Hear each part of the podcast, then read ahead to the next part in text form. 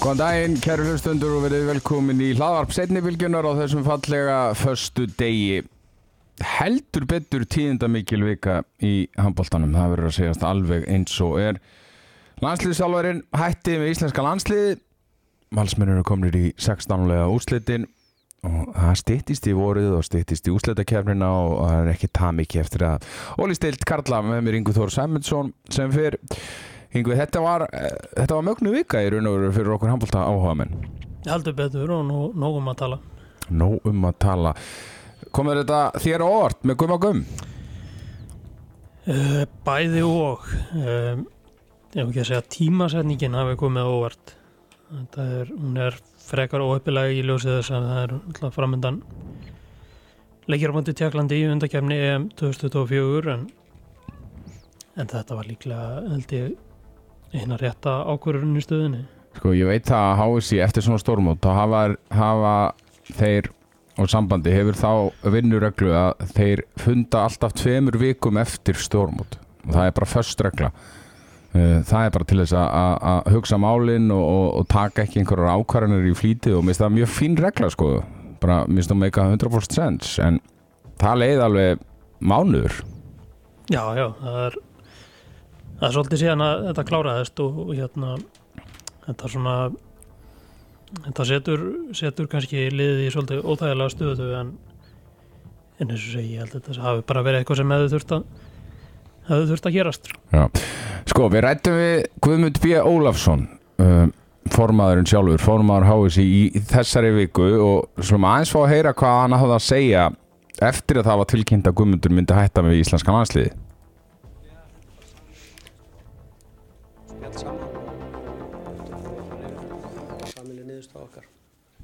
En hvað, er eitthvað sessinleikur á baki? Nei, nei, þetta er bara, bara fórum yfir hérna mótið og, og, hérna, og þetta var niðurstaðan og báður aðalur sáttur við hana. Var, var það vonbreiði hérna ánangurinn á mótunum, liðið náttúrulega setti, setti áttalúsl sem, sem markmið svona? Já, ég minna fyrir mér það, er það alveg ljóst að við vorum kannski ekki alveg eftir öllum vendingum en En ég held að maður verið samt líka að gera sér grein fyrir því að þegar við skoðum þetta mót aftur tilbaka að riðillin til með þessu upphafi sem við vorum í var alveg feikilega sterkur. Þannig að, að kannski vendingarnir sem vorum að gera fyrirfram voru kannski full miklar. Eh, þannig að þetta gata alveg bröðu til begja vona og ég menn það munar náttúrulega ekkit miklu og við færum í áttalega úrslutin. Þetta er, er setni partur í leiki á mótu Ungarlandi. Þannig að Þannig að, nei, ég minna auðvitað okkur vænst til að ná að hérna, komast í áttalegu úrslutin að þá, þá er bara alltaf íþróttum, þetta getur bröðið til begja vona. Er þetta að taka þessu ákvörðun?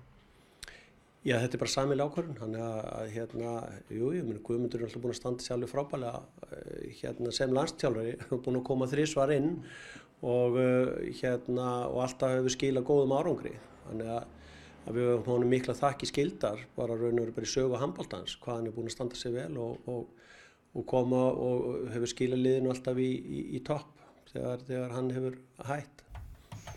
En, en er, það, er það hans beini sem, að, sem að þess, þessu samstarfi líkur eða, eða, eða hvernig, hvernig er það, hvaðan kemur þetta upprúlega? Já það er ekki sjálf og sér neinn nein diskussjón um það sko, það var bara við komumst bara að samvelir í neðstu Já, samvel ákvörun, það kemur fram í þessu viðtali við sinnum með eitthvað. Já, og, heldur betur, mjög samíðaleg Já, ég veit ekki með það. Nei. Ég verður ver alveg hinskilun og, og sko, maður hefur heyrt það það er rættir að, landslýsálanum var bara búin að tapa klefanum. Og, og leikmennliðsins hafi hennilega ekki viljað spila undir hans stjórn, maður hefur heyrt það ég hef ekki heyrt það, samt, maður, maður hefur bara heyrt sögursagnir þess efnis þá er þetta náttúrulega óbúslega erfitt fyrir sambandi Já, já, og setu þá svona, gefið þeim kannski svona bara afar kosti að auðvitað að við getur ekki látið 16 leikmenn fara en þetta er ég held bara að veist, síðan voru náttúrulega svona sögursagnir um þetta líka eftir, eftir HM í Egetalandi það sem Guðmundur var nú bara, skulum bara þannig að hann var frekar heppin að halda starfinu eftir það eftir það mót. Þannig að ég bara leiðilega niðurstaða og svona þetta þriðja spell hans með landslið mm. held, yfir vonbriði en ekki gleyma því hvað maðurinn hefur gert fyrir Já, það var náttúrulega grein á vísi í þegar ekki? Um, um að Guðmundur væri sko lang besti landslýsálfur í sögunar já, já, það er engin engum vafa um það, það er engin vafa um það sko, ekki bara besti hann er lang, lang, lang besti. Já, hann er bara með sko fleiri sigurleiki á öllum þessum mótum heldur en sko hann er bara þrefalt, fjórfalt fleiri sigurleiki en næsti maður sko. Já, já, og mist, allur bestu árangur sem við hefum náð fyrir utan fymtasætið á hámingum og mótum, hann hefur náð honum. Já.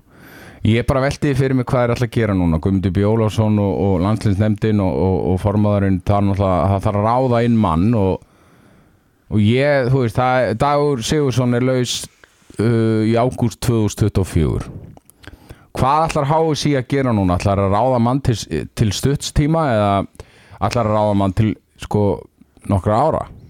já, og það er náttúrulega það er þarna eitt stórmót í millitíðinni. Það er EM 2024 Já, bara í, í mekka handbóltans bara risa mót sko. Móta sem við erum í getum við þetta ná frábærum árangri. Mm -hmm.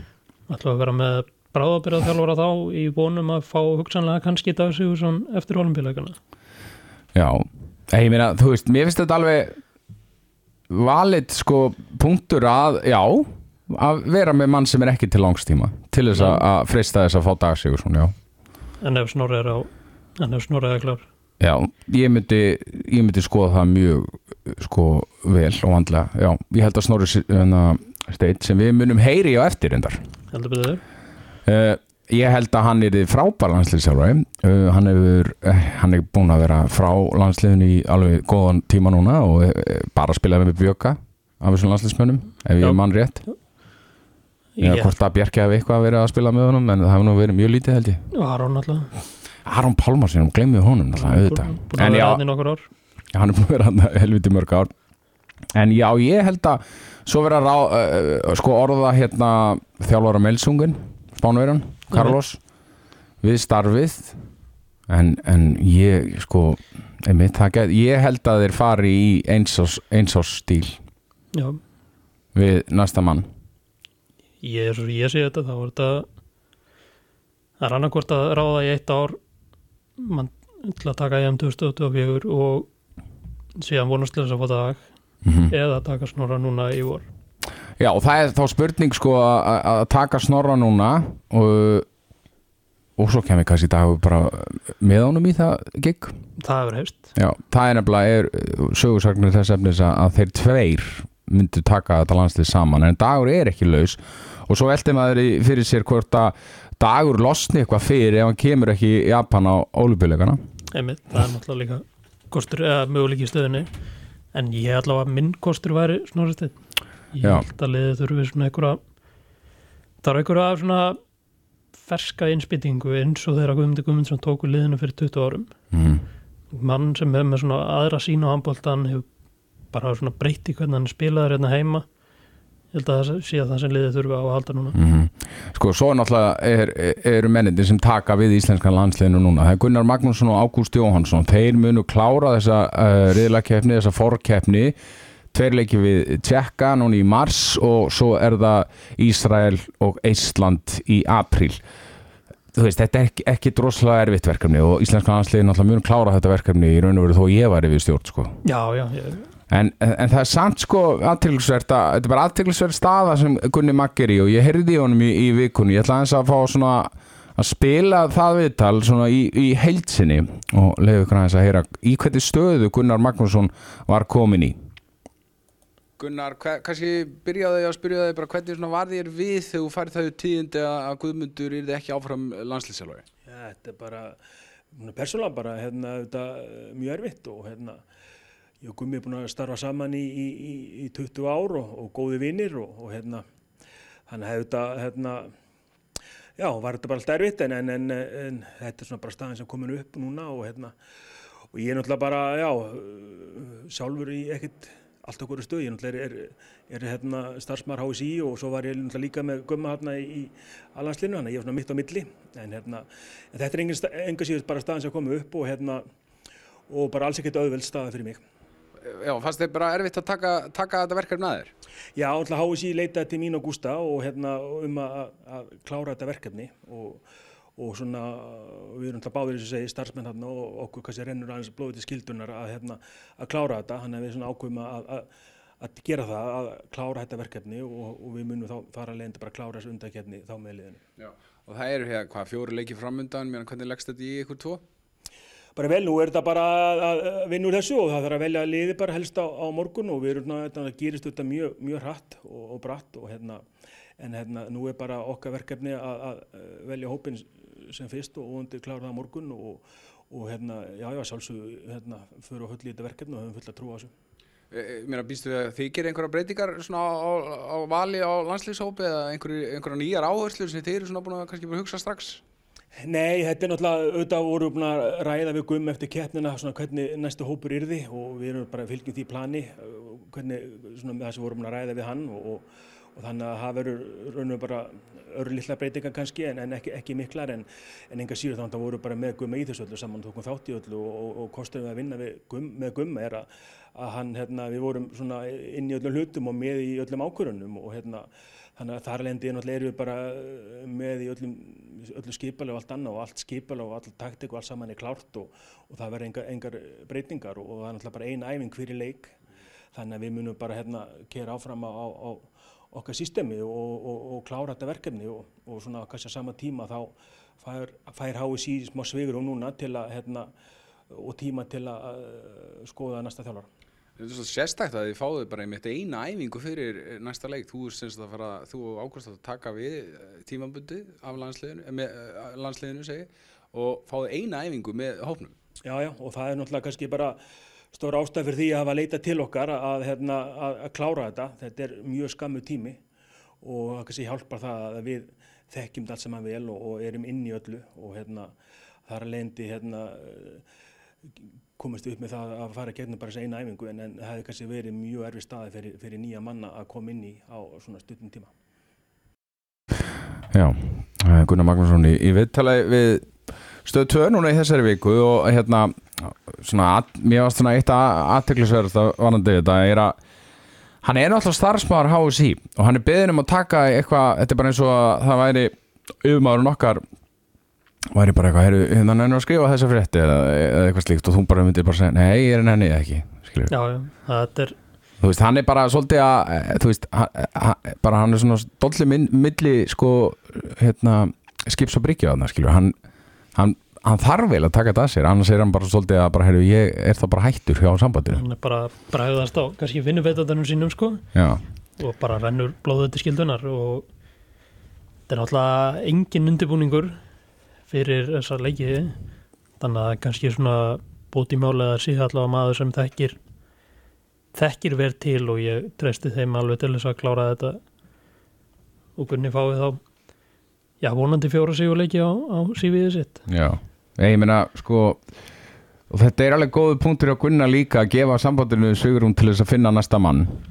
Og það, ég vonandi fara þær ekki í einhverja sko uh, snögga ákvörðun eða eitthvað slíkt, að gera þetta bara almenlega að finna bara rétta mannin Já, já. Og, svona, og þetta er mjög spennandi starf. Þetta lítur að heilla alla, alla þjálfara sko sem er á, sem er á lausu og, og minna þú varst að tala um hérna Parondó.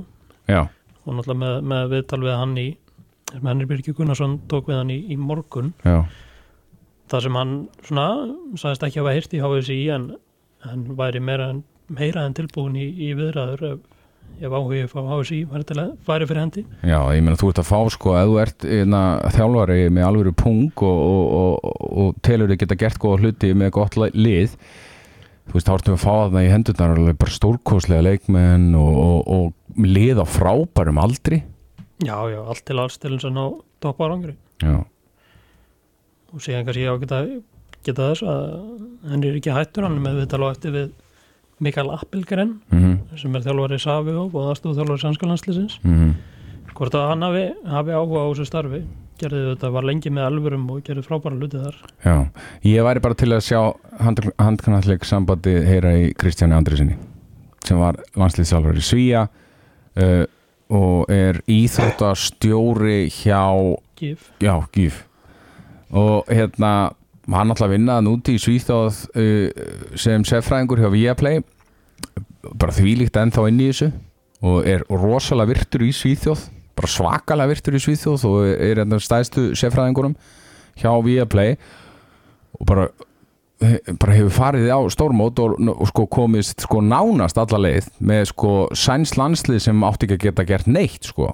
Nei, nei, það var náði Silfur náttúrulega með Svíja á EM 2018 og síðan eftir það fjaraði svona undan þessu og náttúrulega það gekk ekki hjá Rænakar Löfinn og hann hefur ekki þjálfað síðan en Kristján Andersson var þetta mjög vísilegu kostur. Mjög. Þetta verður mjög aðtillisvært að sjá hvað gerist í framhaldinu. Uh, Guðmundur Gu, Þóruður Guðmundsson er hættur um íslenskan landsliðið. Kom mér á óvart því að tíminu var búin að líða og, og það var ekki búið að- rífa í gikkin ég meina, þú veist, svo er náttúrulega önnur umræða sem er náttúrulega, þú veist, sameil ákvörðin hjá Guðmundi B og eitthvað svona, ég meina eins og margir tala eins og Arnar Daði til dæmis semfræðingurinn hérna okkar á, á stöðtöðsport og fleiri. Mm að Gummi Gummi var bara rekin Já, já, það má þá alveg bara segja það. Já, það er ekki alltaf að fela alltaf bak við hérna eins og samhegulegu okkurinn nei, menn hann átti eitt og hálft ár eftir að samningnum. Hafði sér hlýtur að hafa þurft að borga þennan samning bara upp. Það á hérna menna, og háið síðan nú ekki hérna syndir ekki sæðlum hann að spurning hvað áhrif þetta hefur en það verður ekki verið létt ákvörun Nei, alls ekki, menn, því, því að sko, staðan hefur greinilega verið það alvarleg að það var bara ekki hægt að halda áfram þessu samstarfi. Já, já, það bendir bara allt í það sko. Herrið, en já, það verður bara gaman að sjá hver tekur við íslenska landsliður uh, ofbáslega mikið tala um Dag Sigursson sem er náttúrulega ríkalega físilegu kostur en Snorri Steinn er náttúrulega líka Snorri Steinn Guðjónsson mun á, einhverjum tíum búti taka við íslenska landsliðinu, ég held að það sé alveg 100% sko. Já, já, það er náttúrulega bara spurning hvort að hann hvort að á þessu tíma búta ferlinu núna hvort hann vilji það eða hvort hann vilji reyna fyrir sér með einhverju erlend, erlendu félagsliði og það hljóta að vera einhverjir kostir í bóði fyrir hann með árangurinn sem hann hefur náð með val undanfarn ár Já, og sérstaklega þessari viku við förum betur yfir í, í það núna á eftir. Förum aðeins núna að skoða 17. umferðina í ólýsteildinu það er orðið frekar lítið eftir að deildakefninni og, og deildamestartitillin er bara klár það er nú bara þannig staðan og það er stittist bara í það að valsmenn tryggir sér deildamestartitilin hérna, þú ert nú uh, talna glöggur maðuringu en uh, það geti gæst bara til tvæð þeirra umferðir ekki Jú, bara það er alltaf líkur á að það gerist. Ég er í kvöld og Valur verður deltamestari það er bara, það er bara þannig, annar árið röð. Já, sko, IR í kvöld. IR-ingar með sturlaðan sigur móti Káa í síðustu umferð. Og valsmenn voru náttúrulega að slá sko, hérna, ekki slá út pák heldur þeir voru að vinna pák og, og, og gera þeirra sko stöðu hörmulega í riðlunum og, og, á sama tíma að tryggja sér áfram í 16. úrslið Európa-dildarinnar eh, Órikahöllin stúdfull, geggjustemning blár dúkur, svo er það bara skóarselið á föstu degi, sem er frábært húsreindar Já, já, og íringur líður heldur betur vel þar. Náði öll sín stegin með eitt þar. En það hlýtur að vera erfitt sama hversu góðu þjálfari þú ert að sko mjög auðvelt verkefni að gýra menn upp í leikamóti pák á þriðudeginum en að setja þess að stráka í stand fyrir IR og basically orðnir deildamistarar Já, já, þetta Svona- er alveg sko ég er ekki að segja það að valsmenn munum sennilega að vinna hennar leik auðvitlega en en þetta verður samt að koma mönnum í stand og, og koma mönnum upp á tarnar í, í þennan leik. Er, að- pottet mjög erfitt sko. Já, já, það eru svona áhört að sjá hvernig hvernig val byrja leikin hvort það er hérna, þú veist, takið sér tíma til þess að koma sér almennilega inn í þetta og svona svona hrista af sér en hann, hann págleik eða hvort þið komið bara brjálaði til leiks á fyrstu mínundunum mm -hmm. þá svona kannski freka vonaði að ég er nánu svona aðeins að standa í þeim framan af en, en valur vinnu þennan leik Já, ég er bara 100% sammála og, og hérna og styttist í það eins og ég sagði hérna á hann að, að valsmenn verði bara hreinlega deildamistarar.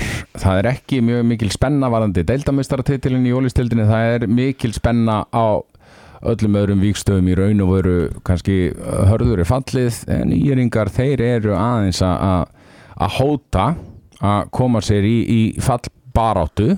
Það eru þrjú stig upp í, í káamenn og eins og káamenn spiluðu núna á, á móti íringum þá bara gætur bara hæglega að tapa öllum leikjónum sem þeir eiga eftir því að þeir eiga ekki einn einasta leik eftir á móti ír nýja herði. Og það hafa nánast öll þeirra stig komið. Já, og ég er á náttúrulega leikti góða líka sko. ír á leikti góða, rendar á móti IBVF þannig já, já, en þeir hafa þeir unnu hauka. Unnu hauka, það er rétt. Herðu, þetta er að, þessi leikur er í, í dag, eða í kvöld klukkan 6 og svo er það tveir leikir á sunnudeginum, það er engin leikur á, á, á laugadeginum Uh, er þetta ekki eitthvað villast þeir eru ekki á laugadeginum þessi tveir leikir. Það er ég með einhverju heilalókunina ég hérna myndi það nú að, að IBF afturöldi hvað K.A. Selfoss væri nú á laugadeginum Þeir eru skráður á þá Þeir eru á sunnudeginum, já. Ok. Ég er nefnilega að lýsa IBF afturölding og ég hef búin að gera ráð fyrir því ég var að gera það á morgun. Já. IBF afturölding og stöð 2 sport á sunnudaginn klukkan 2 uh, Já, bara þetta er frábær leikur sem er framöndan hana. IBF afturölding eiga menn eiga náttúrulega einhverja 16 leiki inni og ef þeir vinna þessa leiki sem þeir eiga inni þá fara þeir upp fyrir FH í annarsæti Já, já, ég hef minn hljóta að horfa í það og vera þá og þeir hafa bara litið litið vel út eftir að komið vel undan þessari lungu pásu. Mm. með hérna með tvo sigra og bara svona flott hólningaðum Já, afturöldingu komið í, í undanúrslit í, í byggarnum og, og, og síðan uh, mættur haukum í síðustu umferð í frábærum handbóltaleik og mjög spennandi en uh, töpuðu þeim leik með tömum mörgum og, og það eru sko Þorsteinn Leo er víst ekkit vola mittur og gæti spilað hennar leik það er gott því að afturhending má engan, eins og sást í síðasta leik engan veginn við því að vera ánans Nei, þeir eru ekki mjög djúpur á bekknum og, og, og Bergvinni líka, var mittur þarna líka sem náttúrulega skipti máli í, í, sérstaklega í vörninni hjá þeim þannig að, þetta verður hérna, mjög antillisur leikur og kannski svona liðin sko, þarna er svona svolítið, heyrðu, hvað allir við að enda í deildinni? Menn ég held að verði mjög gott fyrir IBF að reyna að nátt í þetta annarsætið Já, já, þeir græða hvað mest á heimaðallaréttinu með þessum liðin sem er í deildinni. Já, og svo þarftu líka bara svolítið að hugsa sko, hvena viltu mæta val? Og þú vilt mæta val í úslitæginu mm Já, já, það er, ég meina Nei, ég meina kannski viltu með að mæta val í áttalega úrslutum þannig að, að það sé möguleiki á einhverju uppsettið þú veist, þú þarf bara að vinna tvo leiki þar.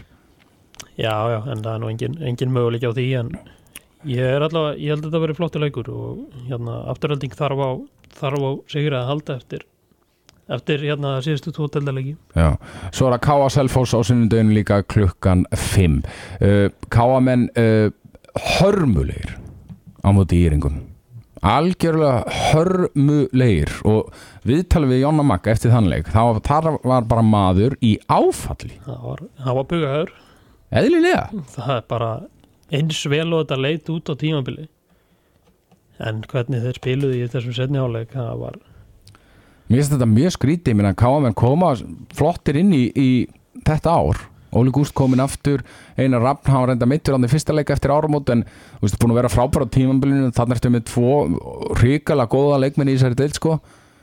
Og að mínum að eiga þeir að vera bara sko nægilega góðir þeir tvei bara til nánast til að afgræða í er sko. En íeringar þeir eru sko síndviðin ekki gefin heldur betur og, og ég meina það er smá verkefni fyrir Jonna bara að- koma þessu káaliði aftur í gang. Því að sætið í áttalega úrslutum það fjarlægist núna með hverju umferði hjá káa já, já, ég held að þeir svona þurfi, jafnvel fyrir eitthvað bara að horfa niður fyrir sig. Því að, því að ég menna þetta er þetta eru bara þrjú stig og þeir líta þeir verðast vera svona aðeins að að, að verðast vera fjara undan þeim. En hérna þú mátt ekki glemma því að veist, og Óli hafi komið aftur og þá unnuðu nú bara hörð með, með einu marki. Já, þannig að það var nú ekki meiri glans á þeim en það sko. En það verður allavega áhört að sjá hvernig þeir svona mæta, mæta á Selfoss. Hvernig hérna hvernig svona yfirbræðið á þeim verður. Káa þar veit sigur yfirbútt til að tryggja sig hérna, í deildinni því að ég held að íringar getur nú aldrei unni meira forskot upp en það. Já, já, og og þeir geta alveg auðvitað unni selfisinga klart mál selfisingar unnu síðan hérna hörð í síðustu umferð og og gerði það bara mjög fagmannlega og, og, hérna þeir eru einhvern veginn til alls líklegir selfisingar, þeir eru einhvern veginn aðeins betri en maður bjóst við fyrir tímabil. Já, já, ég meina þeir eru bara tveimur stugum frá þriðasætinu þannig að bara flottið þeim og svona maður svona veit ekki alveg hvað þeir muni gera í úslagkefni en, en, en allavega eins og stað núna eru þeir bara á, á ágændis pari Þetta er í raun og algjörlega fárólan deild sko, fárólan deild. Afturölding þeir eru í þriðasætinu með 19 stig Haukar eru í áttund, áttundasætinu með 16 stig. Þetta eru þrjú stig frá síðasta sætinu inn í úslættakefni og í þriðja sæti. Já, já, maður er einhvern veginn getur kasta peningu upp á hvernig, hvernig hérna ómögulegt að veðja það hvernig já, hvernig er svona þetta 3 til 8 og jafnvel 3 til 9 endar en, en svona já, Selfoss þeir ljóta að horfa allavega á að reyna að ná hérna heimaðallarétti Já, svo eru þrýr leikir á mánudagskvöldið. Setjumbilgjarni 21.10 og það verður heldur betur yfirvinna á, á mér, Arnari Dada og, og Tetta því að það er ekkert grín fyrir okkur að horfa þrjáleiki á einu kvöldi og sérstaklega fyrir sko klipparna klippa þetta allt saman þeir vera að vera, það eru nokkrir hérna Red Bull sem þurfa að fara í, fara í blóði hjá þeim á, á mándaginn Já, ég hef smá, smá ágjör af því og ég held að ég ringi nú bara í hann og Solveig og vinkunum mína bara til þess að allan að huga að þeirra réttund klippararnir okkar, þeir eru reyndir algjörlega stórkostlegir. Hörður stjarnan á Ísafyrði klukkan 6 og ég svona eiginlega nánast komið leið á því að tala um leiki harðar því að þeir það gerist uh, ekki mikið en, en stjörnum en spiliði við eigamenn í vikunni. Komast 9-1 yfir og tapa leiknum. Tapa leiknum líka bara nánast þú veist, þetta var ekki einu svona það mikil spenna að undir lokin sko. þeir tap, bara unnu, eigamenn unnu leikin bara svona þegar að flautaðu til leiksloka frekar samfærandi þannig. Já, já, einhver, einhverju svona fimm dagar af að sínt bara einhvern veginn hvernig stjarnan hefur verið undanfærin ár þá er það síðan að fimm dagarnir frá því runnu byrjuðu þetta á því að slá val út í, í byggandum Mm. með glæsilegu mentukomisegri en síðan gera algjörlega upp á baka móti á móti eigamönnum eftir að hafa verið búin að koma sér í þessa flóttu stöðu. Hvað er að þessu stjórnuli? ég veit það ekki, það er og þetta er sko, þetta er einhver sko áratuga spurning sko. Allan eins áratuga spurning sko. Það er einhvern veginn þeir geta, oft vel mannaðir geta unni frábæra sigra. Það vantar aldrei einhvern veginn mannskapin þeir eru alltaf með góða þjálfara. Það er bara eitthvað, er bara eitthvað í vatninu þarna. Já, það bara virðist vera. Eitthvað sem kemur í veg fyrir þetta lið nái Hammars árang já. sko, þetta er samt sem aður þannig leikur um að vera bara að spá stjórnunni sigri og þeir sennilega vinna þannig leik þægilega og, og fagmann, fagmannlega. Uh, 1930, tvei leikir á á mándaskvöldið gróta fram og þetta er mjög sexy leikur, grótu menn gerði þessu bara lítið fyrir og unnu FH í síðasta leik. Glæsilegu sigur eftir unni, unni, uh, undir 60 mínútur komplett. Já, þeir voru aldrei yfir í ekki eina sekundu í þessum leik sem er ótrúlega tölfræði sem ég séð já, frábær sigur hjá þeim. Eftir, eftir hérna að tapað þreymur leikjum svona nokkuð illa í röð að þá mann það þetta bara glæsilega endur koma hjá þeim og margar hetjur Birgistett frábær, Hannes á línunni Jakob í hodninu og síðan alltaf einabaldin var þessu sem kannski ekki mikið en hann varði, hann varði stór skot þessi tvö þarna frá áspynnundu lokin. Mm -hmm. og bara mikil segla hjá, hjá gróttu. Já, framarðin hafa náttúrulega ekki spilað leik núna í, í, í smá tíma. Þeir spiluðu við FH 12. februar þeir spiluðu náttúrulega ekki í síðustu umferð því að það var leikur sem þeir spiluðu fyrir lungu á móti val. Unnu í er í byggarnum Já, þannig að svona, þetta, þetta er mjög áhugaður leikur og hérna og það verður gaman að sjá hvort að gróttan er að fylgja eftir eftir þessum sigri á, á móti að fá sko Gróta er með 13 stig og ef þeir ætla sér í úslutakefnina sem þeir geta alveg gert ennþá þá þurfum við samt að fara að sapna stigum. Og það sem varð Gróta að falli á síðasta tímabili voru leikirnir við fram. Já, já, það voru þessir innbyrðis, ég minna gróta var með ekki, var þetta ekki gróta og fram og afturhaldi ekki öll með, með jafnmörg stig og þeir unnu, þeir unnu bara ekki réttu leikina segja svo, sem Já. svo í, í fyrra. Nei, bara alls ekki. Og töpuðu báðan leikjunum og mútið fram og, og það verður þeim að falli. Og gróta þarf í raun og bara að vinna þennan leik. Það er bara, þú veist, þetta er bara, bara núna eða aldrei, ef þeir vinni ekki þennan leik þá fara þeir ekki í úrslutakefnina Nei, nei, og það verður gaman að sjá hvernig þið bara svona tækla það að vera að fara í svona hálfgerðan úrslutaleika á, á móti liði sem er ekkit langt frá þeim í, í getu. Mm.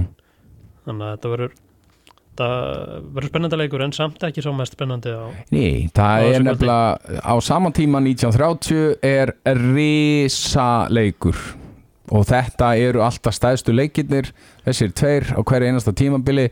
Skiptir engum máli hver staða liðana er í deildinni uh, hvort að uh, sko annarkvort liðið sér búið að tapa uh, 100 leikjum í röð. Þetta eru alltaf leikir. Haukar F á, á ásvöllum. Sigursteinn Ardal og Áskjör Örn Hallgrímsson Vodafone slagurinn? Já, Votafón slagurinn. Huh. Þeir þurfti að taka lönnshérna, þeir vinna báður hérna í Votafón, taka lönnshérna uppi á mándeginu. það væri nú gott, að, gott sjónvarp að sjá hvað að fara með þeim í, í fiskin á mándaginum Já, alltaf Já. geggja fiskur hérna á meina, hvað, ég meina, F-fangar er náttúrulega búin að vera tölvöld betri en haukar á tímabilinu. Haukar eru náttúrulega í áttunda sæti í deildinni með 16 stig.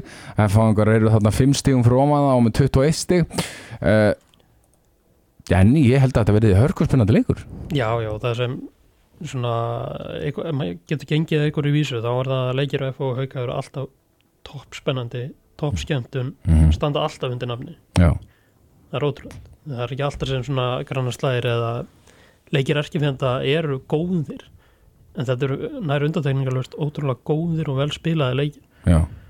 og ég held að vera ekkert annað upp á teiningnum á mándaginn Og spurningamerki náttúrulega varandi haukana en Guðmundur Bræi hann er búin að vera frá vegna meðsla uh, haukarnir unni náttúrulega frábæran sigur um þetta afturöldingu í síðust umferð og, og, og þar voru menn að koma sko inn í liðið og, og koma með framlag nánast bara allir þó hafi ekki verið mikið. Þetta var náttúrulega sko low scoring leikur en, en menn voru að skora sko tíu markarskorar í haukunum og, þú veist, þeir voru allir að koma með eitthvað að borðinu. Guðmundur Bræi sem er eitt besti leikmann í deildinni það var nú frábært fyrir haukan að fá hann inn.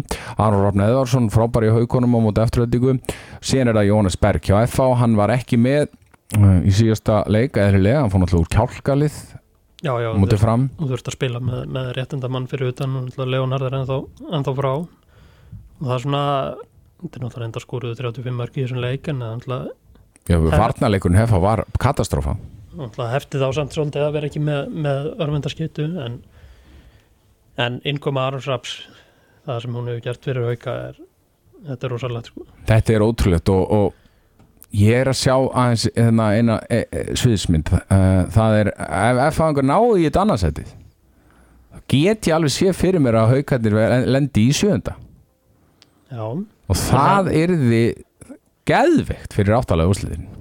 Það er nokkuð langt sem þessi liða á mest í þau var nokkur sinnum mest í úsleikjumni aldrei úslindir samt en það eru komin á hansi mörg, mörg ár síðan og það var við myndum ekki slá hendinu upp á móti því. Nei, en þessi lið mætast ekki í úrslitum á þessu tímubili það, er mjög hæpið. Þetta er frábær umferð eiginlega eins og þegar ég er að fara í gegn við erum búin að hita upp núna sko, þetta er 17. umferðin sem við erum að hita upp fyrir og þessi deild er stórkostleg. Það eru allar umferðir frábærar. Ég man ekki til þess að ég hef verið að fara í hérna, undirbúið mig fyrir setnibilginu og horta á einhver umferð og þessi verður leðileg og kannski í síðustu umferð, þá voru bara fjóri leikir. En þá náttúrulega bara uh, vinnur í er káa Já, já, og bara geggjaði leikir hinnir fyrir utan kannski hörðu selfós það rætist einhvern veginn alltaf úr þessu. Og þessi deild er svo óutræknarleg það er svo mikið af ótisigurum og það er svo stutt á milli margra liða. Já, ég meina og líka bara leikur sem við gátum ekki fjallum í, í síðasta þetti stjarnan í bjöfa, hann byrjar 9-1 og það er alltaf bara geðveikur seplur, geðveikt í uppdeild, þetta er lang skemmtilegast deildin á Íslandi. Það er- allan að mín skoðun. Uh, Nú ætlum við að fara í, í, í lista.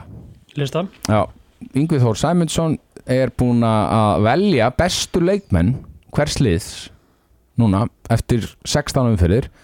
Þetta eru 12 lið og hverjir eru búin að vera bestir og hvað ætlum við að byrja, ætlum við að fara í gegnum þetta að finna, ef ekki að vinna okkur upp já, byrjum á byrja á herði. Já, gerum það. Hver er búin að vera bestir á, hjá herði á þessu tímabili? Heru, það er Sukuru Hikawa. Já, það er hérna mjög skemmtilegu sóknamaður og hann er kannski í aðeins of stóru hlutverki en þetta er leikmaður sem getur búið til hluti og ég held að það verður mörglið sem getur nota nýtt kraft hans á næsta tíðanbili Já, Endis Kúnsnes var ótrúlega góður svona fyrir áramöndi, maður hefur bara ekkert séðan hann er búin að vera að glíma á einhver meðsli núna að hing- hinga til en Suguru er búin að vera heilt yfir mjög góður hjá, hjá herði. Mikael líka. Já, Mikil Rísti Minn uppáhaldsleikmar er náttúrulega Jose Esteves Neto. Já, enna í Hara, Já. Haraóðinu, hann er flottur. Hann er mjög flottur og er, nýtir færin sín ekkert eðla vel og, og bara hérna ríkala góðu leikmar Herru, ok, Suguru ég bara geti verið sammála þessu. IR, uh, Ég ætla að setja þetta á, á dag. Það var annarkvort dagur eða Viktor Arnar fyrir byrjaði mjög vel en það fjarað svolítið resalega undan honum en, en dagur verið mjög flottur í, í skiptinu og, og hérna sérstaklega svona eftir áramót. Já. Sko mér, ég ætla að vera ég, ég ætla kannski ekki alveg beint að vera ósamála en smá mér finnst að Viktor búin að vera bestur. Já, það að- er alveg mér finnst hann stýra liðin oft á tíðum mjög vel. Stóðsendingar alveg hellingur að þeim. Og flæðið hjá IR byggist svolítið mikið á Viktori. Og svo skorar hann fullt. En það er ekki mikil munur á milli þessara tvekja þeir eru búin að vera bestir í þessi tveir, alveg klálega Já, já, tölfræðin þeirra er mjög áþekk þannig að þetta er nú bara svona persónlegt mat. Já, já, ég, bara, ég, ég ætla alltaf að koma með mitt mat á öllum liðunum, káamenn næstir mjög, og það er sennilega það auðveldasta í, í deildinni kannski? Já, það er bara Einar Rafniðsson, ekki bara bestileg maður káa, heldur eitt bestileg maður dildarinnar Já, hann er búin að vera bara langt bestur hjá káa frábær í vetur og bara vanda mér í hjálp. Já, og það sem kannski kemur mest óvart ef við viljum kannski gefa einhverjum öðrum sjátt að káamenn hafa verið með, með fína markusli á tímabilinu, Bruno og Satsfjöl hafa verið bara með betri markmönnum í deildinni í raun og veru? Já, já, káa er allavega svona síðast þegar maður gáði voruð með bestu hlutarsmarkusluna í, í deildinni. Já, hefði nú kannski ekki giska á það fyrir tímabilið og kannski sérstaklega Bruno Bernat og það er kannski spurning hvort að hann fái svona þurfi ekki að fá fleiri tækifæri til þess að byrja. Mm eða kannski er hann bara betri þegar hann fær að koma inn á og, og svona breyta leikjum. En þeir eru allavega, það er ekkert að kvart yfir markvöldinni á þeim í vetur. Uh, Sko eh, mjög spenntur að heyra hvað hérna þú segir í næsta liði, gróta ég ætla að segja einabaldin minnst Birgirsteinn alltaf stórkustljóri síðasta leik og, búin að vera þeirra besti maður síðustu ár en svona að mínum að einabaldin búin að vera, vera þeirra svona stöðuvastum leikmaður í, í vetur. Já, ég er 100% sammálaður. Mér finnst eina baldurinn líka hafi verið bestur á grótu á tímamblunum, Birgir Steinn er náttúrulega búin að vera sko, náttúrulega hefur verið dóldi frá Já, já, og meðan einabaldin er alltaf með, hann er alltaf, hann þarf að spil, hann er kannski ekki með mestur samkjörnuna markmunum í deildinni, þarf alltaf að vera, það að, þurfa alltaf að vera allir ljóskveikt í ánum og, og þau eru það oftast.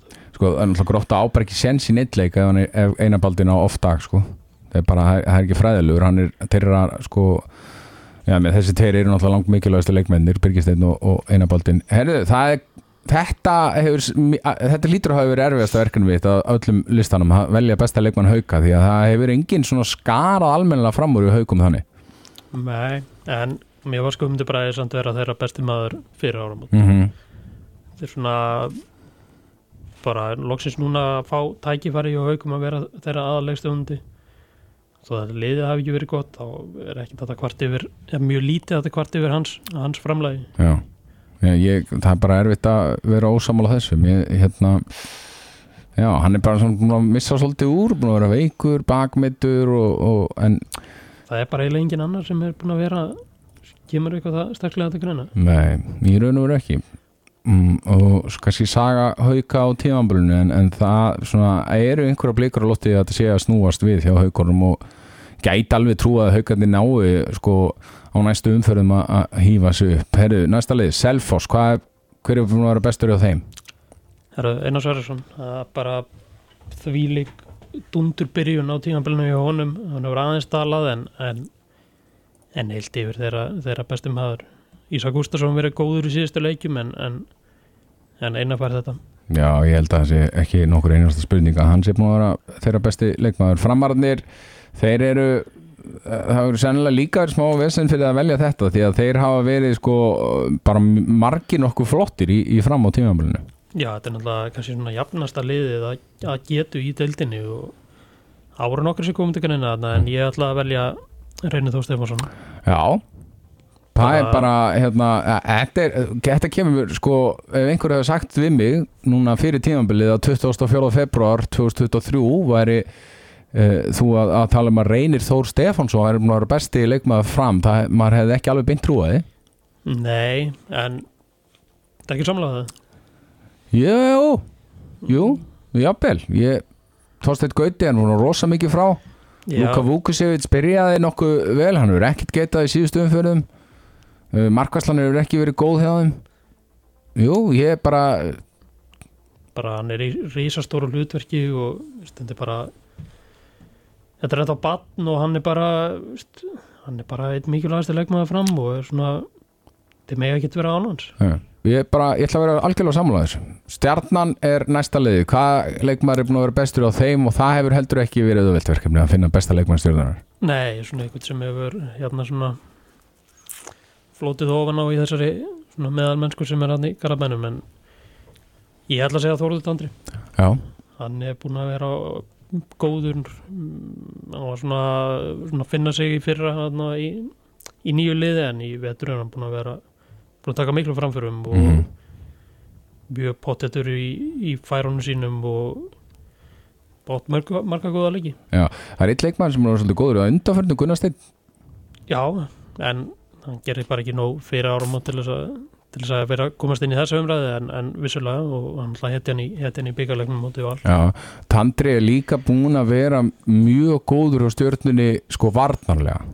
En sóknarlega hefur hann átt sko mjög mikið upp og niður og eiginlega á fleiri leiki sem hann hefur verið- bara týndur sóknarlega. Já, en ég ætla, ég ætla að senda Þórt Andra Já, og, hann er búin að vera bara góður í eiginlega öllum leikum já, já, bara eitt besti hann er alltaf með sín 5-6 mörg og eitt besti sóknarlínum aður deltarinn Næsta lið, IBVF í fjórðasættinu í ólýsteildinni með átján stig núna. Þeir eiga tvo leiki til góða á FA og fara þar að leiðandi upp í 22 eða klára þessa leiki. Og þeir eru, þessi leikir sem þeir eiga inni er í er og hörður. Já, þannig að þeir eiga eiginlega að klára það. Hver er búin að vera bestur? Rúna Karol Það er hérna það er frekar auðvelt og maður hann var náttúrulega bara besti leikmaður deildarinn framan af. Já, við völdum hann besta leikmann deildarinnar í, í jólaþættinum okkar fyrir hlutans og kannski ekki alveg svona ekki alveg svona, svona aðeins stalað en samt bara langt besti leikmaður í BF og, og eitt besti leikmaður deildarinnar. Já, ég held að við þurfum ekki að hafa fleiri orðum þetta. Hann er búin að vera bestur á IBVF Afturölding uh, í þriðasætinu með 19 stig. Uh, hver er búin að vera bestur af þeim? Herðu, ég valdi Þorstein Leo Gunnarsson. Þetta er svolítið, svolítið frá og, og hérna það er verðist alltaf lendi í ykkur sérstaklega seinheppin leikmaður en, en hann er bara búin að spila vel. Hann, alltaf að svona alltaf að vera betri og betri og blær kom líka sterklega til greina en hann kannski gerir aðeins hann gerir fleiri mistök þannig að ég ætla að senda þetta á Þorstein Leo Mér finnst eiginlega engi munur á þessum tömur Mér finnst eiginlega alveg af góður Þorsteinn og Blær. Já, Mér finnst bara Blær hafa verið heilt yfir mjög góður á tímabölinu en, en þetta er svona bara átt á milli þeirra að tvekja sko. Einar Ingi er búin að vera mjög góður hjá afturöldingu Já, það er útrúlega hvað gerist ef þú kasta boltan nokkur sinnum og línuna til hans. Klára að færi sín vel. Já. Mm, Jafngamall og, og ég náttúrulega hann Einar Ingi ég skil ekki hvernig hann getur haldist í þessu en þá náttúrulega er líka í vörninni sko og bara vera að berja á Einar Inga allan 60 mínútur hjá afturöldingu sko. Já, já, þetta er lang, lang besta tímabili hans eftir að koma aftur heim. Já, FH í öðru sæti hver er búin að vera bestur í FH það hefur sennilega verið líka svolítið trikki að velja það. Já, þó ekki. Ég, já, mér finnst eina bræði hafa verið þeirra bestileg maður Það fagilegt mati er þetta eitthvað hákótt dæmi? Þetta er faglegt mat og, og það hann sakar ekki að hann er úr er úr, er úr haglandsfélaginu sko. Já, en ég minna hann er skora mikið og er þeirra búin að vera þeirra besti vartamæri í vetur. Já Sko, m- mér finnst bara hotnamennindi báðir búin að vera mjög góður Jakob og, og Birgir. Já, og, en, en ég, ég set eiginlega ekkit út á þetta mér, eina bræði er búin að vera hrópar uh, Valsmenn er í efstasætinu í deildinni uh, hver er búin að vera bestur í þeim og það koma kannski nokkrir alveg jafnvel til greina hjá Val. Já, en í deildinni ef þetta væri heilt yfir hefði nú sannlega valið Arnór ef þetta væri alla keppnir en bara í deildinni ætla ég að velja, velja Benedikt. Það er bara 100% rétt séður Benedikt er búin að vera besti leikmaðurinn í val á þessi tífambli og Arnór er búin að vera geggjaður í Európa-dildinni en, en Benedikt er búin að vera stór brotin í Ólistildinni ég menna alltaf bara hvernig hann byrjaði þetta ár hérna með með tveimur svakalegum leikjum og bara stýrisóknarleiknum eins og snillingur og mm ótrúlega yfirveðar og flótur Já, ekki nokkur einasta spurning. Gekkið yfirferð og þarna fenguðu að heyra hverjir eru svona bestir leikmennir í ólýstildinni Nú ætlum við að skipta þessum gýr og við ætlum að fara að ræða valsmenn. Þeir unnu Pák núna á þriðdagskvöldið 40-31 nýju marka sigur. Það var svona jafnræði kannski á með liðanum til að byrja með. Uh, valsmenn fóru svona náða aðeins að stíga sig frá þeim svona uh, um miðjan fyrirháleik og svo komuður aðeins tilbaka leikmenn Pák en síðari hálfleikurinn var einn valsmanna. Því lík framistæði yngvi Þór Sæmundsson hjá valsliðinu á móti þessu fína franska liði. Stórkostleg og ekki gleyma því að þetta liða var endaði þriðasætti í fransku deildin í fyrra. Þetta er franska deildin gríðalega sterk og, og valsmenn tóku að þessi sé að vinna þriða besta liði þar með nýju mörgum er þetta bara einstakt? Já, ég meina, en, en sko Ian Tarrafetta var ekki með Pák. Lagarde var ekki með Pák. Og það má alveg segja það að Donni hafi svo sem eiginlega basically ekki verið með Pák heldur þó hann hafi tekið þátt í þessum leik því að hann náði sér ekki á stryk Já, en mér bara er eiginlega alveg saman þótt að, þótt að vandi, ég meina við vorum bara fyrir valur hefði þetta að fá eitthvað út úr fyrirleiknum líka. Já, þá voru, þá var enda Donni ekki með en en ég meina það vantar líka Robert Aron hjá, hjá Val sko. Algjörlega og, og ég meina þó að Tryggvi Garðar sé ekki búin að vera eitthvað brjálaslega mikið þá, þá vantar hann inn í hópin Finnur Ingi Stefánsson var ekki með valsliðinu í, í leiknum. Og Bergur Eli stígu bara þvílíkt upp og skora 6 mörg og 6 skotum í þessum leik. Þannig að mér finnst þetta að hafa verið svona lang svona þetta var langt besti leikur vals í, í keppninni og bara að skora 40 mörg á, á Pák er bara mikið afreg Já, sko, þeir voru komni með 12 mörg eftir 14 mínútur. Það var ekki einu svona hálnaði fyrir áleikurinn, þá voru komni með 12 mörg sem er bara eitthvað pace sem að bara, veist, þá þeir geta enda með 25 mörg í fyriráleik sko, eða þeir haldi á, að þessari kyslu áfram. Sko, fyriráleikurinn hjá Steven Topar á Valencia það er einhver allra besta framistæða sem ég séð hjá uh, leikmanni á þessu tímanbili Já, já, magnaður ekki bara í sókninni heldur bara hvernig hann tók, hann var eiginlega betri í vörð sko. hvernig hann tók Donna og síðan hérna Dar Silva í, í vördinni algjörlega, ég svolítið pakkaði þeim saman og eldsnöggu fram og bara hann er náttúrulega í svona búðagluganu núna. Það er þetta allra auga á honum og hann er búin að glansa alveg. Hann er búin að glansa í þessari keppni. Já. 83% skotinding það þetta er bara, þú veist, hann hlýtur að vera komin á radaran hjá mjög mörgum liðum ekki skemmt fyrir honum að hann hafi verið hérna, valin í íslenska landsliði núna. Og þú veist, það er bara á það skilið að fá sensin í íslenska landsliðinu. Uh, svo bara, hérna Pátt slagur í hvað, lífenda fræðinni í háskólanum? Lífendafræðinu og þetta skífum og á kvöldin og bara hefur hértan hértan DJ eða? Nei, ég náttúrulega hef ekki farið á neitt DJ viðbörði í mörg ár sko. Ég hef ekki farið inn á átó bara aldrei.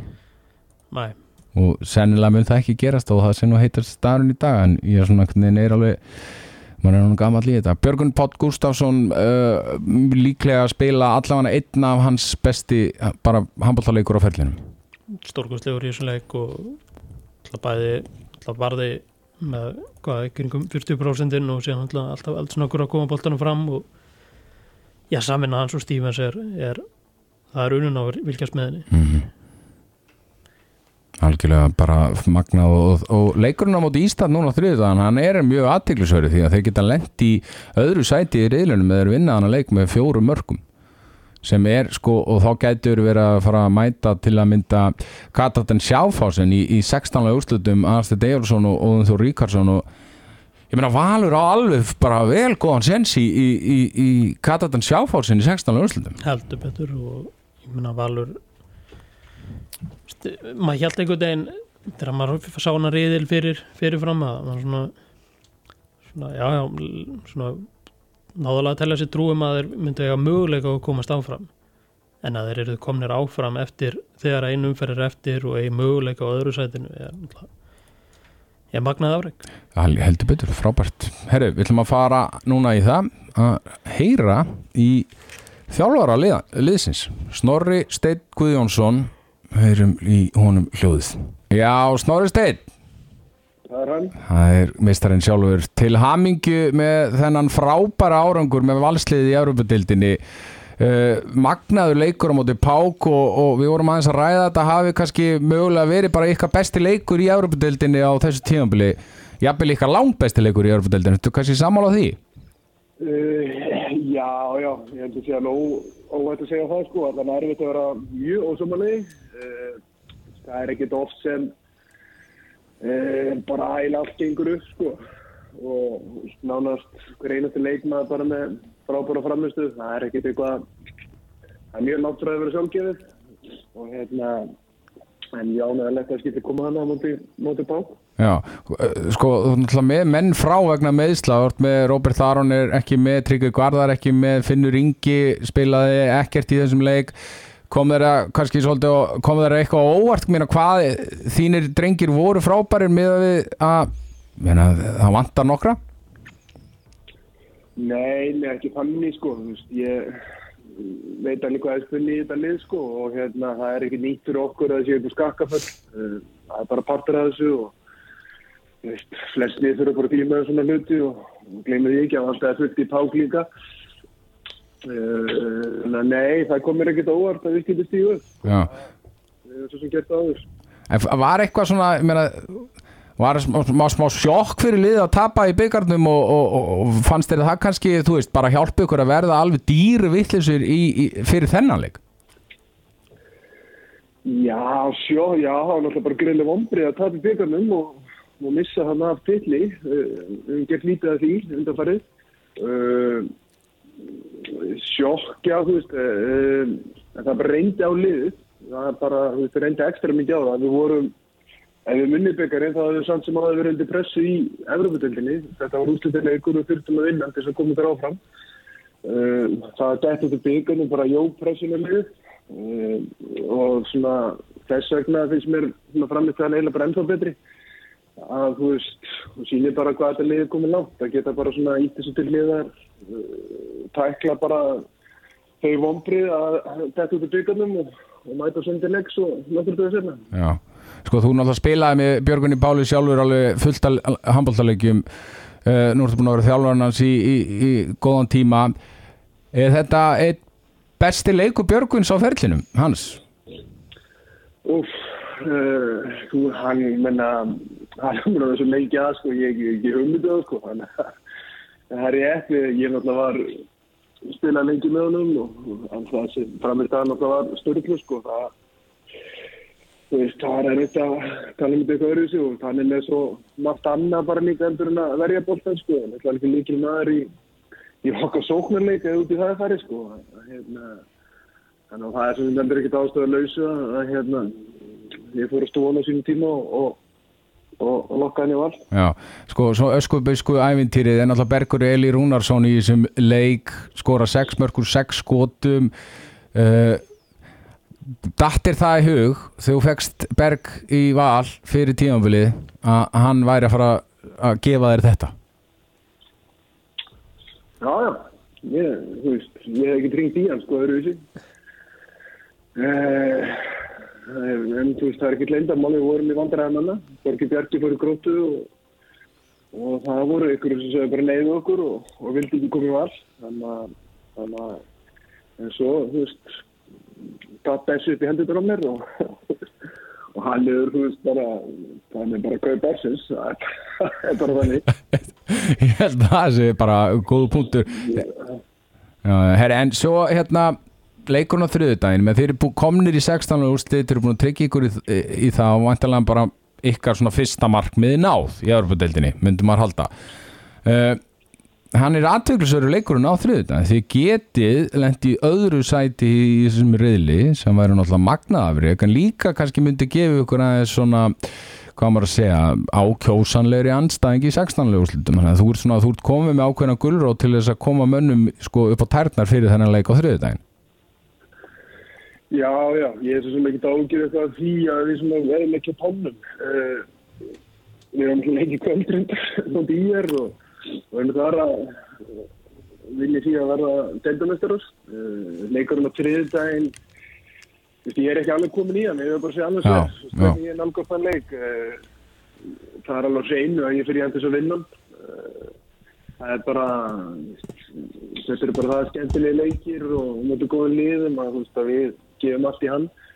Það var þetta anstæðingan í 16 úrslutum held ég að sé ekkit eitthvað stórmunur á þessu fyrir okkur. Uh, þú veist, það væri ekki bara vest fyrir okkur að fá sjálflósin, þú veist, með alla óðinn og svona, sko. Þeir myndi taka okkur úrlega gríðan alvarlega og undirbúa liðið sitt mjög vel, sko. Þannig Já, Þannig að svo bara tökum við því sem kemur og, og förum í sæstalúslutin uh, bara brattir. Já. Uh, þú veist, við setjum okkur markmið strax eftir stjórnuleikin að fara í aftalúslit, þannig að það, þannig að, þannig að bara svo það sé sagt, sko, þá, erum erum við ekki búin sattir í þessu, og svo brekkan verður kannski aðeins brattari. Já þú hefur greinilega sko, ótrúlega mikla svona, trú á þessu liði, ég meina þeir setja sér markmið að komast í áttalega úrslit það er, það er alvöru markmið.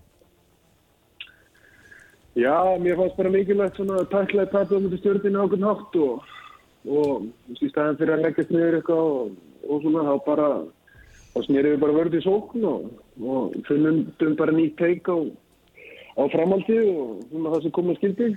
Eh, Við mistum á tvo leiki í, í, í Final Four sem við reiknum með að spila og ég þurfti að finna á einhver starf annar staðar. Ég er búin að því. En ég ég við vorum eitthvað aðeins að ræða þetta á hann, við erum að spila mútið pák núna, sko, geggjustemning og ykkur höllinni á þriðudaginn, frábær mæting, svo er það skóarselið í kvöld, íeringar og þú veist, það er bara eiginlega svolítið þannig að það eru allir að ræða, tala þannig að því séu bara orðnið deildamistrar er ekkit, er ekkit flókið verkefni fyrir því að vera að gýra menn upp í, í leikamóti í er á, á fyrstaskvöldinu þegar Ístad býður eftir helgina. Já, það kemur alltaf bara svolítið í ljós í kvöld, hvernig mér hefur tekist til með það. Eh, Það er ekki spurning og það reyður gríðilega á okkur og leikmennina eh, og við erum svo sem rættum það bara í gær. Eh, Svona, fyrir mér þarf ekki minni karakter leikin í kvöld heldur en á móti pák. Þetta er bara, þetta er allt annars eðlis, það er mjög auðvöld að mæta í orðböðlina þannig að síðan þriðta og, og, og vera stendur þú veist, með umgjöruna og stemninguna og mætinguna og öllu sem fylgjur svona öðrubuleikin og þú veist, þá þarfstu bara að hafa minna fyrir því að vera ég. Eh, En þú veist, menn þurfa að hafa fyrir þessu kvöld, þurfa að veist, mæta undirbúin til leiks og, og allt það en, en en við höfum gert það vel hinga til. Þetta er ekkert nýtt fyrir okkur að spila með styrti millibili og við erum á tóknum í deildina því við höfum gert þessa hluti vel. Náða að tjókla þessum uh, boltum á milli og, og svona uh, erum mjög fagmælir því. Þannig að ég trúi og treysti því að mínu menn verði flottur í kvöld. Hvernig er staðan á þessum mittu drengjum Tryggvi eh, Finnur Finnur var náttúrulega hitt upp aðna með ykkur á þriðudaginn og svo náttúrulega Robert Aron hvernig er staðan á þessum strákum? Uh, já, ég er með sama hóp í kvöld. Finnur er svona rönnið skorri. Hann, veist, hann hefði auðvitað ekki getað beitt sér mikið á móti pák. Við þurftum að skilja um geið leikskíslu í hátteginu, það leiktiði þar. Og, já, hvað bara taka sénsinn, láta hann heitu upp og sjá svona hvað myndi gerast. Uh, það er svona nokkuð svipa á honum í kvöld. Uh, var þetta hína tóðan og svo tryggum við bara að fóru lið og brotnaði og eitthvað sinn sem skataðist og það er svona stýttist í hann en ég reikna ekkert með honum fyrir en ég vonandi bara strax eftir landsleikipásuna og þú veist, Rob er bara spurningamerki bara svo sé sagt sko. Þetta er erfið meðsli, erfið stað og hann er skárri. En þú veist, vonandi getur hann farið að gera meira flutlega og láta reyna á okkar og, og þá sjáum við svolítið svona hvað hva við getum leist okkur og vona. Heldur betur. Snorri Steit Guðjónsson eh, takk hella fyrir að taka síman og gangi ykkur vel í, í kvöld og, og svo bara hvenær farið þið á morgun út eða? Nei, fyrir mjög sundin Farið á sundaginn Já, já, þetta er ekki alveg svo í beinindón sko, þannig að við fyrir aðeins setjum það. þá getur maður tekið íþróttaskólan á, á, á lögadarsmótni með Alexander. Við við erum alltaf saman þar á lögadarsmótnum íþróttaskólanum. Við farið í málið þar, Já, kynna það. Herri, takk fyrir að taka síman Snorri minn. Heyrjust ekki mál. Ok, Takk, heldur betur Snorri Steit Guðjónsson þjálfari vals og við erum að fara í þetta.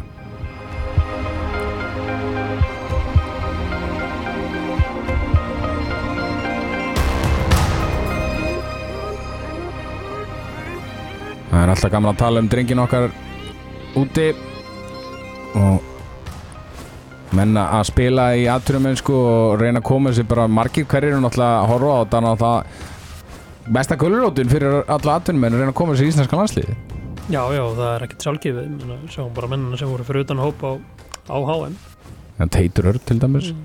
Já, já, og bara, ég meina, einhvern tíman hefðu einhverjar á þessum valspunum verið fyrir utan Björgum Pál verið í landsliðinu en mm -hmm. og nú ætla Stíven kom inn og það verður gaman að sjá hvernig hann verður í fyrsta landsleikjunum. Já, herri, það er Arnur Allarsson hjá Álaborg, hann skoraði 5 mörg þegar að liðið vann uh, Elverum í meistaradildinni 31-24 og Orri Freyr skoraði 2 uh, mörg í, í, í þeim leik og hann verður svo gaman að fá Arnur Allarsson í ólistildin á næsta tímanbili Arnur Allarsson Aron Pálmarsson sagði Arnur Allarsson allir tíman Aron Pálmarsson, Arnur Allarsson skoraði náttúrulega ekki fimmur, hann er aðstofað þjálfarinn hann Myndur þú sannlega geta það samt? Myndi senn, ég er ekki sem að geti skorað fimmur í meistaröldinni, hann geti skorað fimmur í ólistendinni í dag, ég held að það sé alveg á kristaldæru. Herðu, hérna förum í, í, í þjóðurina Gísli Þorgir skoraði þrjú mörg gegn Sabgreb í meistaröldinni 31-26 sigur, Mætiborg á toppnum í riðlinu, Gísli Þorgir uh, við tíu stóðsendikar heldur betur og Sá er búin að spila vel eftir ekki það að hann hafi verið slagur fyrir, fyrir HM en hann er bara er búin að vera ennþá betri eftir eftir mótið og það verður rosalega spennand að sjá hvað Matibúr gerir í útsláttakemni mestarstöldarinn Já, og Gísli Þorgir var alveg eitthvað uppáhold allra í, í þýsku Já, búndislíkunni hann var maður fólksins og bara vel að því komin heldur betur að ekki amalega vel hann að fá. Nei, herðu, uh, Gúmusbakk þeir töpuðu óvænt fyrir botliði Ham 22-21 Hákon Daði Styrmjörsson skoraði 5 uh, Guðum Valur uh, þjálfari liðsins og Elvi Snær skoraði ekki í, í leiknum. Með óvænt úslið það. Heldur betur og kannski svona leðilega dag fyrir Hákon að vera ekki valin í landsliðið og, og tapa sér á móti botliðinu Já Bjarki Már Elísson hann skoraði tvö fyrir Vesbrem sem vann uh, Porto í, í, í meistaradeild Evrópu. Uh, Viktor Gísli Hallgrímsson var því nýju bolta þegar að Nant tapaði fyrir Kielce í meistaradeildinni 33-30 Darri Aronsson hjá Ævri í Fraklandi, hann er farin að æfa núna á fullu og, og eftir að hafa ristabrotna rétt bara svona áður en að gekk til liðs við franska liðið og stittist í hann mjög jákvæmt og hann náttúrulega kom með nýjan nýjan þjálfur aðna, Dídið Dínart og það verður opaslega spennand að sjá hvernig hvernig Darri hérna spera sig í, í, í átunum mennskunni Dídið Dínart, það held ég að segja svona þjálfari eins og Vincent Kompany er þjálfari. Já, þetta er bara sama típa. ekki dórsýpaðir leikmenn og að hann náttúrulega gerði frakka heimsmyndstur um 2017 en síðan svona fjaraði aðeins undan ferlinum, þjálfurferlinum og það verður gaman að sjá hvað hann gerir hérna með, með, með Darra og félag Já, og Þór Ríkarsson. Hann er búin að vera einn heitast í handbóltamæðurinn í Evrópu og þessu tímabili skoraði 8 mörg gegn Benfica þegar að liðið vann uh, 28-27 í Evrópudildinni Katatin Sjáfásen skoraði flottasta markið í handbólta heiminum þessa vikuna.